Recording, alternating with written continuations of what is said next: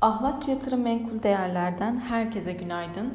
Döviz kurları yeni haftaya sakin başlıyor.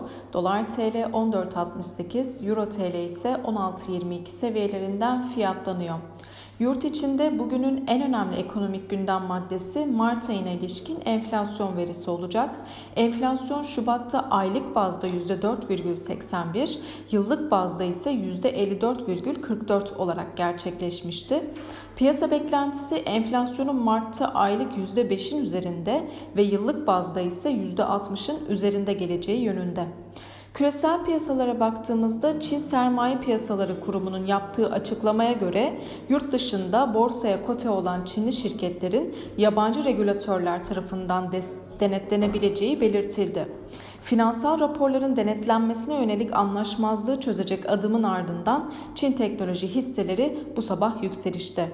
Bu adım Çinli şirketlerin Amerikan endekslerinden çıkarılması yönündeki endişeleri de azaltmış durumda. Dolayısıyla Asya piyasalarının tamamı bu nedenden dolayı pozitif diyebiliriz. ABD vadeleri de benzer şekilde pozitif görünümde.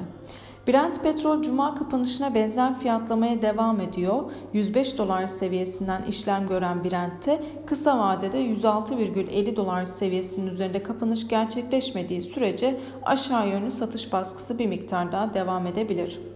Ons altın Cuma günü açıklanan ve beklentilerin altında gerçekleşen ABD tarım dışı istihdam verisi sonrasında 1933 dolar seviyelerine kadar bir tepki verse de bu sabah tekrardan 1922 dolar seviyelerinden işlem görmekte.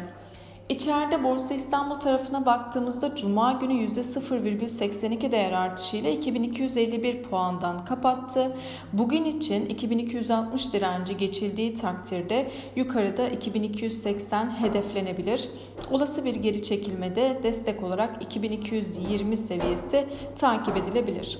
Bugün yurt içinde Mart ayına ilişkin enflasyon ve üfe rakamları takip edilecek. Yurt dışında Almanya'da dış ticaret dengesi, Amerika'da fabrika siparişleri, aynı zamanda dayanıklı tüketim malları sipariş verileri takip edilecek. Herkese bol kazançlı güzel bir hafta dilerim.